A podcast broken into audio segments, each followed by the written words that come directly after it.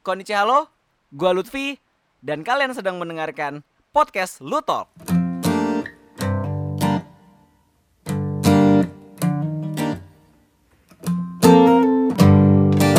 Di episode ke-12 kali ini gue bakal cerita tentang pengalaman gue ke Shanghai ya untuk menghadiri acara China Licensing Expo ya. Ini gue berterima kasih banget sama Backcraft dan juga sama Katapel karena gue barengan sama Gosis Komik juga ya. Ini bisa diberangkatkan ke China Licensing Expo. Terima kasih banyak ya. Dan untuk episode kali ini gue bakal cerita sih tentang pengalaman gue di Shanghai, Cina jadi Cina itu merupakan negara kedua yang gue datengin ya di luar Indonesia tentunya. Yang pertama gue udah pernah ke Jepang waktu itu uh, tahun 2016 dan sekarang ini gue ke Cina barengan sama uh, Ghostis Comic ya buat menghadiri China Licensing Expo.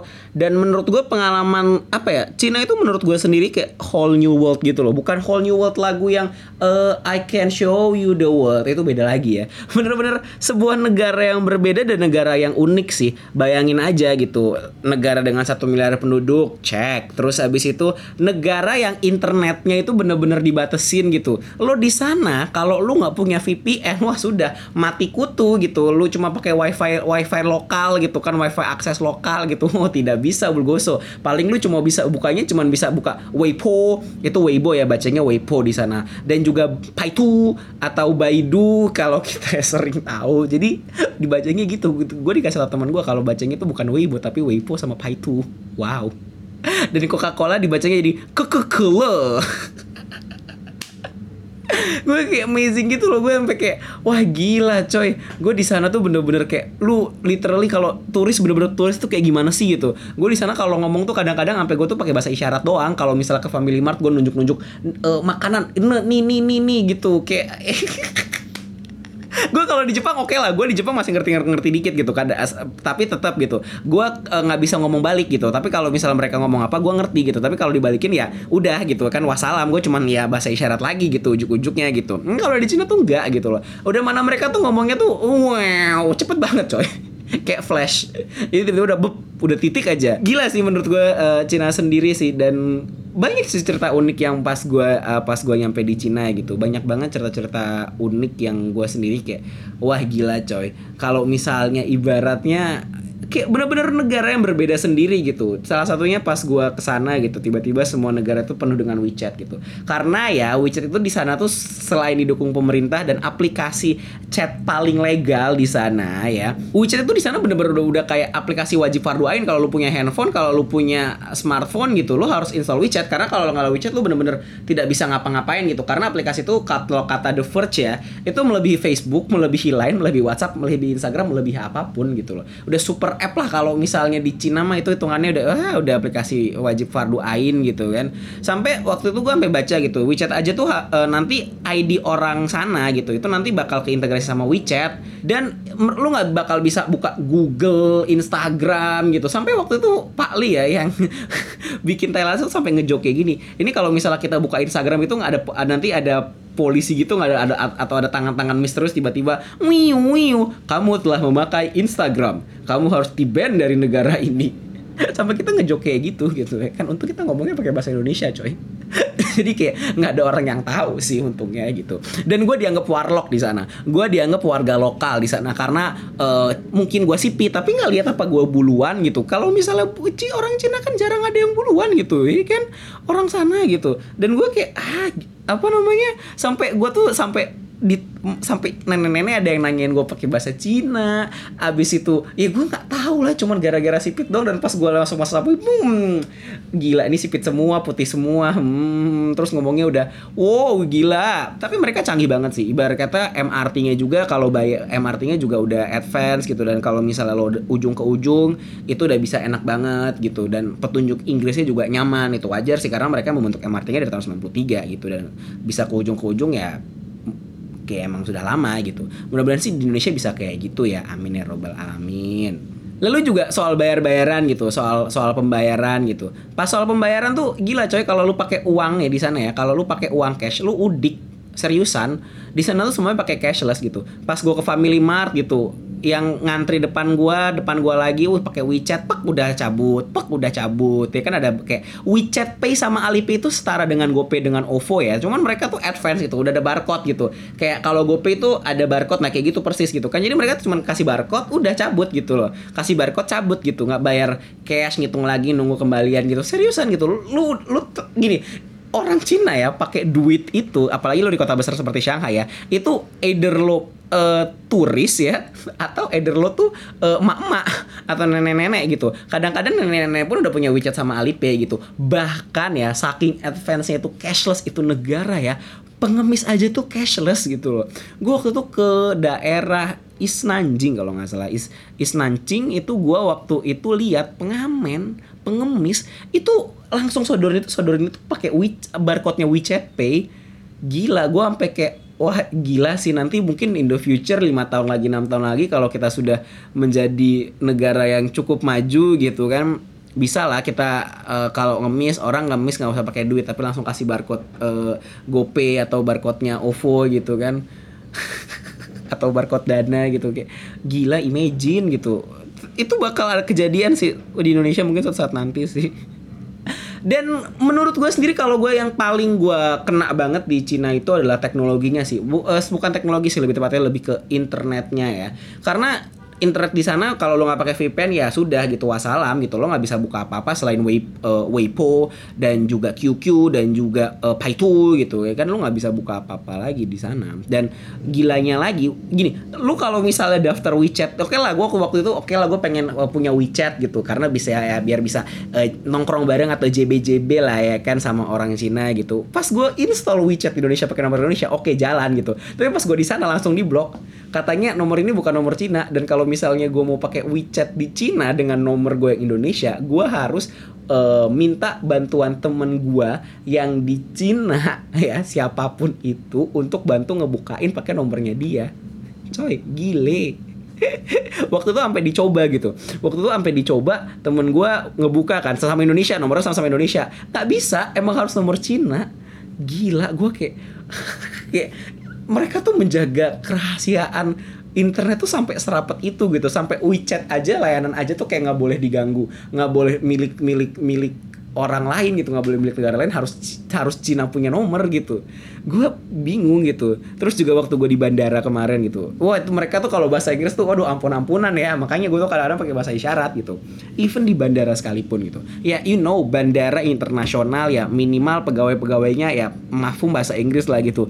Gue nggak tahu apakah gue salah ngomong atau guanya juga eh, gimana? gitu kan. Waktu gua ke sana gue nanya "Eh, mbak check in di mana? gitu. Where is the check in gitu. Dia langsung balik balasnya pakai bahasa Cina padahal gue udah ngomong pakai bahasa Inggris. Kayak hah? Hah? Hah? Terus gue nanya lagi dong ke gue frustasi ke mana udah disuruh udah ke kanan ditunjuk-tunjuk sana sana sana. Ya udah gue ke sana kan gue tanya lagi ke petugas. Jadi kan ternyata tuh mesinnya self check in gitu loh. Karena canggihnya di Cina ya karena canggihnya di Cina. Ketika lu di bandara domestik itu nanti eh, self check in gitu. Jadi lu cuma tinggal masukin paspor atau lo tinggal masukin eh, eh, ID KTP gitu peng udah langsung langsung muncul namanya lu bisa pilih seat bahkan gitu. Terus nanti keluar tuh check innya nah udah keluar ke boarding pass ya keluar boarding pass nanti eh, lu tinggal kalau punya bagasi lu tinggal titip aja di eh, tempat self check in bagasi gitu. Udah selesai gitu. Saking advance nya Cina gitu cuma masukin paspor doang. Gue kayak Oh gila coy langsung ke scan langsung kebaca gitu loh Wow Sasuga negara eh, maju dan calon ekonomi terkuat di dunia Apa udah ya? Jadi pas gue di sana, tapi kelemahannya gue kadang-kadang bingung. Mereka tuh katanya mau jadi negara eh, ekonomi terkuat di dunia, tapi bahasa Inggris aja masih kayak mm, ba- banyak yang belum bisa gitu. Tapi ya wajar gitu. Menurut gue sendiri ya, mereka punya power coy. Kalau waktu itu sampai gue pernah nonton di eh, late night show, eh, late show-nya, tonight show-nya di John Oliver, sampai si Jinping bilang kayak gini gitu. Eh, bukan either si Jinping dari pemerintah Cinanya ya waktu itu bilang gitu Eh, ya udah kalau lu nggak mau ikutin aturan kita lu nggak nggak bisa bisnis dengan kita. Lu harus ikutin aturan kita baru baru bisa kita deal. Dan itu beneran terjadi di sana gitu. Gua kayak gua ada waktu itu self check in pas self check in tuh gue peng ngomong bahasa Inggris gitu kan karena kan gue turis. Oh dibalasnya pakai bahasa Cina lagi gue kayak gila mereka sampai segitunya loh menjaga menjaga ke ajegan mereka gitu menjaga ke uh, menjaga identitas mereka gitu. Dan menurut gue it's it's it's it's wow sih. Ya, experience baru sih menurut gue gitu. Ya akhirnya akhirnya setelah gue kayak gitu akhirnya ya udahlah gue untungnya waktu itu gue langsung ada pencet-pencetan ada tulisan Inggris Inggris ya gue pencet ada Inggris ya akhirnya ada petunjuk pakai Inggris juga aja. Jadi ya uh, gue bisa cekin sih untungnya. Kalau nggak gue nanti nggak bisa cekin nyasar. Ya Allah ya Allah. Terus soal gue waktu itu akhirnya sampai ke Channel Licensing Expo gitu. Pas di Channel Licensing Expo itu gue menemukan satu uh, booth gitu. Itu gede banget. Wah, kayaknya booth uh, boothnya gede banget. Tapi gue merasakan ada sesuatu yang janggal gitu. Karena lu kalau misalnya sering uh, berinternet ya dan sering menemukan meme-meme segar dari penjuru dunia, apalagi kalau misalnya anak-anak fortune dan forum-forum internasional gitu kan lu pasti akan menemukan suatu image kodok namanya meme kodok namanya Pepe the Frog Iya kan? Nah, ternyata oh ternyata di Cina itu Pepe the Frog itu merupakan sebuah IP, coy. jadi mereka tuh like karya orang terus mereka jadi IP mereka sendiri. Gue kayak pas gue liat bootnya ini beneran Pepe the Frog. Gue kayak terperanjat gitu gila ya. Cina itu kalau misalnya dibilang negara bootleg ya ya gimana gitu ya mereka sendiri menurut gua gue gue sampai speechless nih gue gue sendiri kayak coy ini tuh punya orang gitu. Terus lo jadiin IP dan lo, lo jual kaosnya dengan dari Pepe the Frog itu dari gambar itu gitu.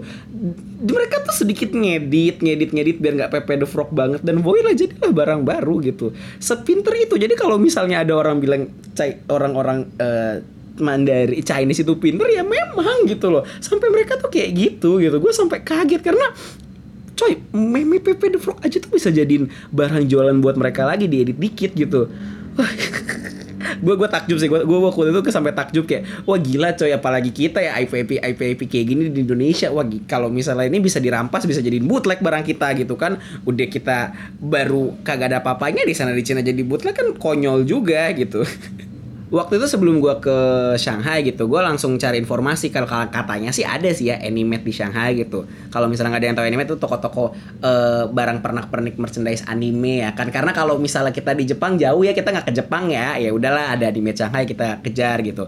Wow gila pas kita mencari anime Shanghai ya. Oh jadi gue awalnya sama Fajar tuh kan keliling uh, sama Mas Is juga uh, Mas Is Yunarto yang bikin uh, Gardayana itu kita keliling keliling keliling keliling nyari animate gitu kan. Kok animate di satu satu tempat nggak ada? Eh sudah pindah ternyata. Nah pas gua jalan jalan ke sana gitu selain enak karena MRT-nya canggih-canggih gitu maksudnya lu nggak usah ribet-ribet turun terus juga kalau misalnya uh, lu ada Google Map uh, lu pakai VPN gitu kan Google Map-nya juga uh, tahu ini paling dekat keluarnya di mana di pintu mana. Karena satu MRT ya itu kalau nggak salah di People's Road apa People's apa gitu gue gue lupa namanya. Itu gerbang MRT-nya sampai ada tiga sampai ada 20 lebih gitu loh. Gue waktu itu pernah salah gerbang dan ujung-ujungnya nyampe ke mall.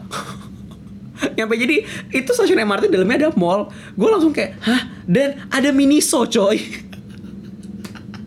gue kayak ya Allah jauh-jauh ke Cina. Ujung-ujungnya ketemu Miniso lagi. Ya gue tahu Miniso dari Cina. Cuman kayak ya Allah gue berasa di mall apa berasa di ini berasa di mall-mall blok E berasa di uh, Gancit gitu kan. Nggak ada bedanya sama mall lokal gitu kan. Ketemu Uniqlo lagi ya Allah. Ini udah udah gue ke sana Wah gila coy udara udara Chinese tuh karena mungkin lagi lagi musim panas juga lah ya. Uh, gue tuh jalan tuh berkeringat terus gitu. Ampe gua dan sebenarnya gini, kalau misalnya di Indonesia ya kan di apalagi di Jakarta banyak yang bilang oh polusi segala macem, wah nggak bisa napas segala macam. Sebenarnya Jakarta tuh sebenarnya much better loh. To be honest, gue kalau naik motor itu masih ada angin, jalan tuh masih ada angin. Di Cina tuh angin tuh tipis-tipis oksigen tuh tipis-tipis gitu udah lembab rada pengap dan itu meng, akhirnya gue mengeluarkan keringat banyak gitu. Kalau misalnya gue gue tuh abis abis jalan-jalan dari Cina ya selalu wah kalau gue buka kaos ya gue sana pakai kaos t-shirt tipis gitu. Gue buka kaos oh itu pas kering itu udah muncul garam-garam itu. Udah muncul garam-garam putih itu hasil keringat yang terlalu banyak gitu. Gue waktu foto sama cardboardnya Deku gitu kan pas gue foto gue lihat oh gila coy gue udah wet shirt banget kayak saking panasnya di sana dan lembabnya di sana dan oksigennya tuh bener-bener tipis gitu. Kayak oh gila cuy nah, kalau misalnya nafas rebutan ya beneran itu nafas rebutan gitu. Cuman gilanya mereka udah kayak gitu nggak pakai masker gitu loh. Gue kayak wah kekebalan tubuh mereka sangat-sangat hebat sekali ya. Sedangkan gue aja kalau misalnya di Jakarta kadang-kadang at some point harus pakai masker. Karena polusinya ya mentok gitu Dan banyak sih yang bisa eh, gua ambil pelajaran dari eh, negara tirai bambu itu. Dan kalau misalnya ada yang bilang gitu, "Tuntut- tuntutlah ilmu sampai ke negeri Cina itu ada benernya sih. Ada benernya kalau eh, menurut gua pribadi. Karena begini, ibarat kata kalau sebenarnya ada quote yang menurut gua gua sedikit eh, membenarkan ya quote. Kalau misalnya berurusan dengan orang Cina lo harus benar-benar eh, kenali dulu kenali dulu orangnya gitu, kenali dulu medan perangnya gitu. Dan itu ungkapan Sun Tzu sih itu benar adanya gitu. Karena di Cina sendiri kalau lu nggak tahu Medan minimal lu kagak install WeChat aja. Oh lu udah berasa orang asing di sana gitu. Lu mau dilihat sama siapa pun kayak ah ah karena email di sana ya waktu itu gua ke sana mereka udah nggak ada udah nggak ada kartu nama ya kan?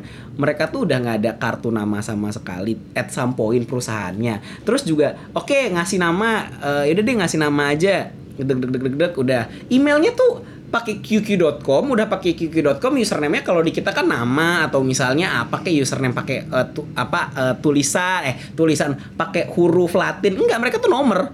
Jadi gue dapat email 123 5678 at qq.com 134 at qq.com gila coy gue kira ini kode kode nuklir film-film JAV gue pengen ngejok kayak gitu karena mereka saking bener-bener strictnya gitu dengan internet gitu. Lu boro-boro dapat akan dapat gmail.com gitu. Wah dapat yang belakangnya nama perusahaan aja tuh udah syukur alhamdulillah gitu. Karena mereka kebanyakan seperti itu. Itu bukti bahwa mereka tuh bener-bener menjaga rapat internet mereka gitu. Menjaga rapat koneksi mereka gitu. Gue sampai nggak habis pikir. Dan kalau misalnya lu tidak mengenali itu sebelumnya ketika lu mau ke Cina sebagai as a business ya nat natal sebagai kalau jalan-jalan itu beda cerita lah ya. Ya lu bakal udah udah udah sulit gitu. Karena mereka nggak punya kartu nama mereka nggak punya ini dan mereka sangat-sangat tidak fasih berbahasa Inggris. Wow kalau di sana uh kalau lu nggak buat translator atau temen lu yang bisa bahasa Cina ya bye bye gitu. Even menurut gue tulis aja pun kadang-kadang lu harus punya sedikit pemahaman bahasa Cina sedikit aja gitu. Dan ada hal yang paling menarik eh, pas gue di sana gitu. Menurut gue sendiri kalau misalnya lu ke Cina ketika lu udah landing di Fuzhou kan gue waktu itu kan eh, sebelum ke eh, ending bandara gue tuh Hongqiao, Hongqiao sih ditulisan tapi biasanya cerita Hongqiao. Pas gue di Fuzhou itu gue udah langsung kerasa vibe Cinanya.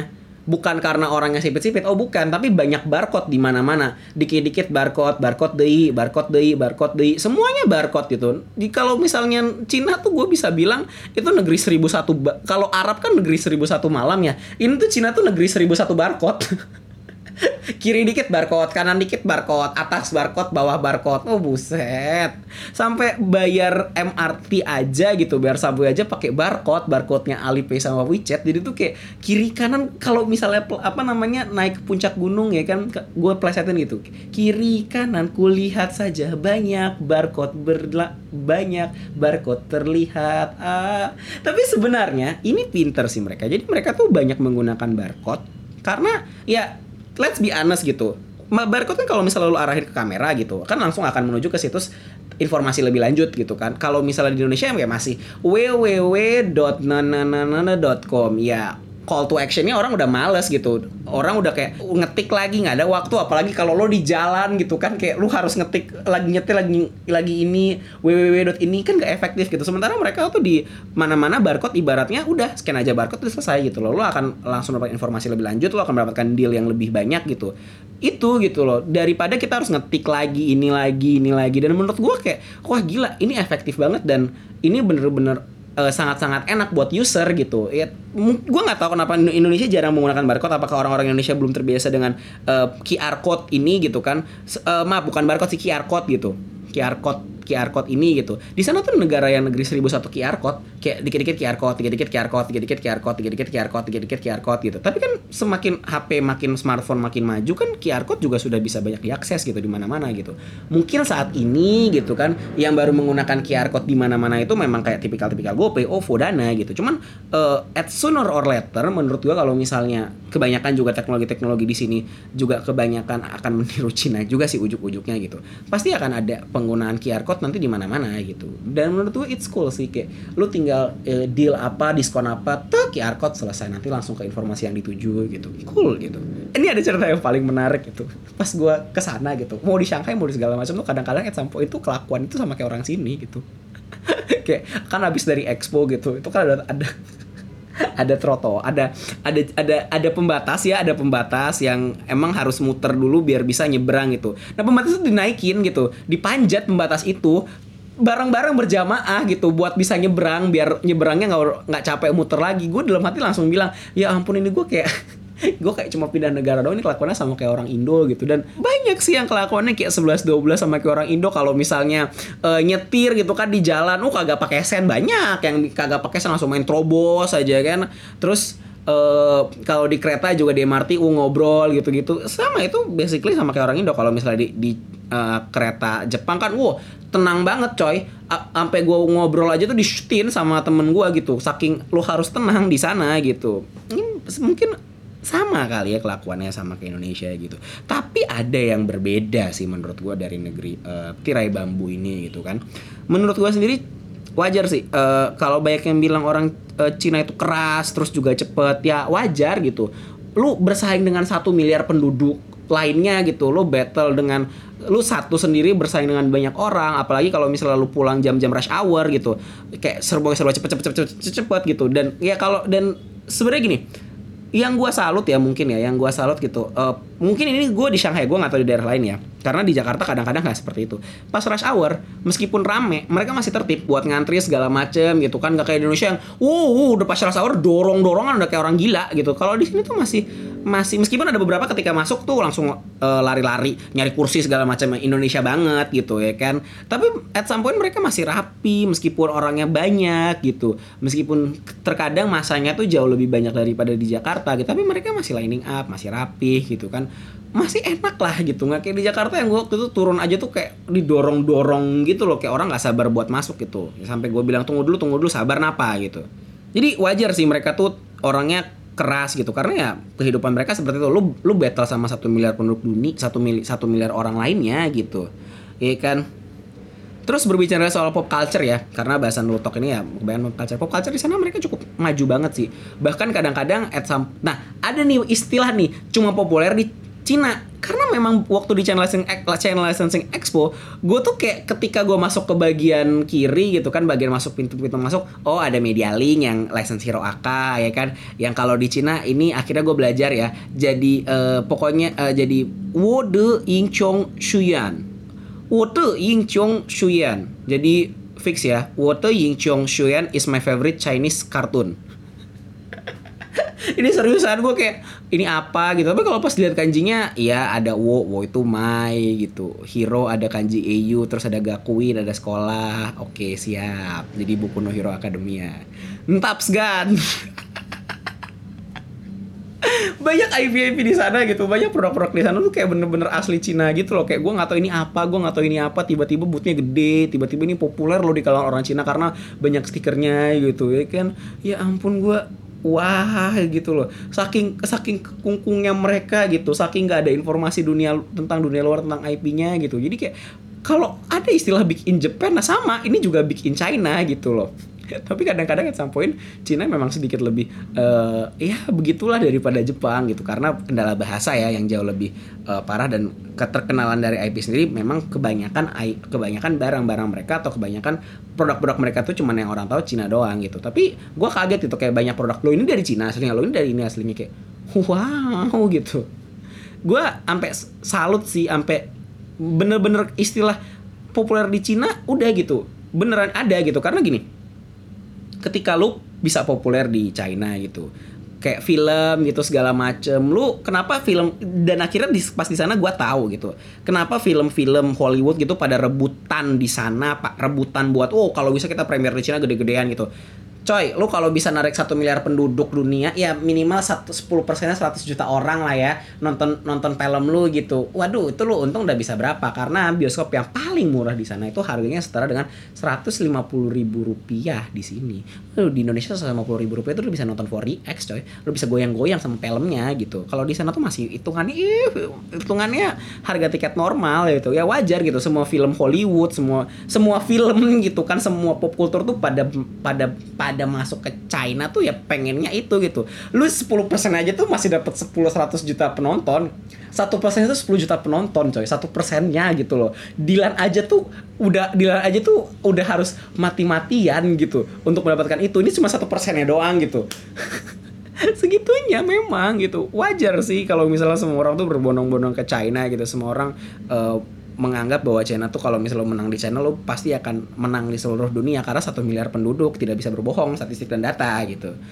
Dan menurut gue menarik sih jadi kayak gue di China sendiri kayak banyak belajar yang hal yang baru dan pepatah yang bilang tuntutlah ilmu sampai ke negeri Cina itu benar adanya gitu. Karena di Cina sendiri gue ba dapat bakal dapat banyak banget insight terus juga dapat banyak banget pelajaran baru.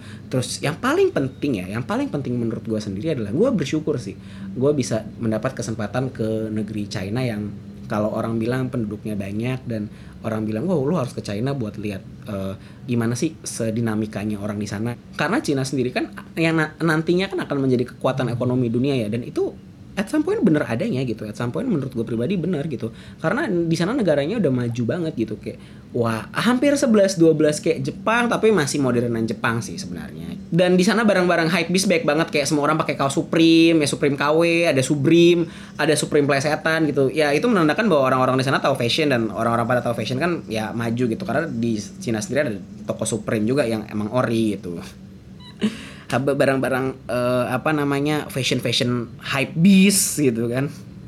Gue jadi kayak banyak belajar gitu banyak banyak dapat referensi di sana bagaimana cara masuk ke pasar Cina. Jadinya gue kayak wah gila coy gue sampai bilang kayak gue harus bisa bahasa Mandarin nih by the end of the year gitu loh. Karena gue pengen pengen sih masuk ke market Cina terus juga pengen tahu kayak gimana buat make it gitu dan banyak berhati-hati juga. Gue juga di sana tuh kayak belajar hati-hati gitu loh. Karena ya itu tadi gitu Pepe the Frog aja bisa dicuri dan bisa dijual dan bisa dijual pada itu bukan produk lu gitu. Sekreatif itu ya bukan ya gue nggak tahu sih batas antar kreatif sama uh, pencuri itu beda tipis ya at some point ya. Tapi gue juga gue seneng juga sih di sana juga ada anime segala macem membuktikan bahwa anime di sana juga ada progres ada pergerakan gitu. Dan barang-barangnya up to date kok tenang aja. Gue dapat uh, Hiroaka banyak barang ya sampai gue kayak sampai dapat penutup mata penutup matanya Deku loh yang ternyata di Jepang itu nggak ada barangnya jadi emang barangnya tuh barang khusus Cina doang. Yang kalau gue pakai tiba-tiba gue pengen bermimpi gue uh, bisa melihat All Might terus tiba-tiba gue bisa melakukan kekuatan One for All. Ha. Oke skip. Jadi kalau misalnya ada pepatah atau quote yang bilang tuntutlah ilmu sampai ke negeri Cina itu benar adanya karena Cina itu menurut gue kayak whole new country, whole new experience dan banyak banget sih ilmu-ilmu yang bisa didapat dari sana yang bisa kita terapkan di Indonesia agar kita bisa semakin lebih maju dan bisa semakin terdorong lagi gitu. Pokoknya bener deh tuntutlah ilmu sampai ke negeri Cina deh intinya. Kamu bisa memberikan pendapat kamu tentang episode ini di bit.ly garis miring kirim pesan Lutol. Sekali lagi ya, di bit.ly garis miring kirim pesan Lutalk. Voice message yang menarik bakal dibahas di episode podcast Lutalk berikutnya. Terima kasih sudah mendengarkan podcast Lutalk. Follow atau subscribe podcast ini di platform podcast favoritmu. Jangan lupa juga buat like Facebook Lutfi Works, follow Instagram at Lutfi Suryanda, dan Twitter di Lutfi Can Tweet. Gue Lutfi, sampai ketemu lagi di episode podcast berikutnya. Plus Ultra! Saya dadah!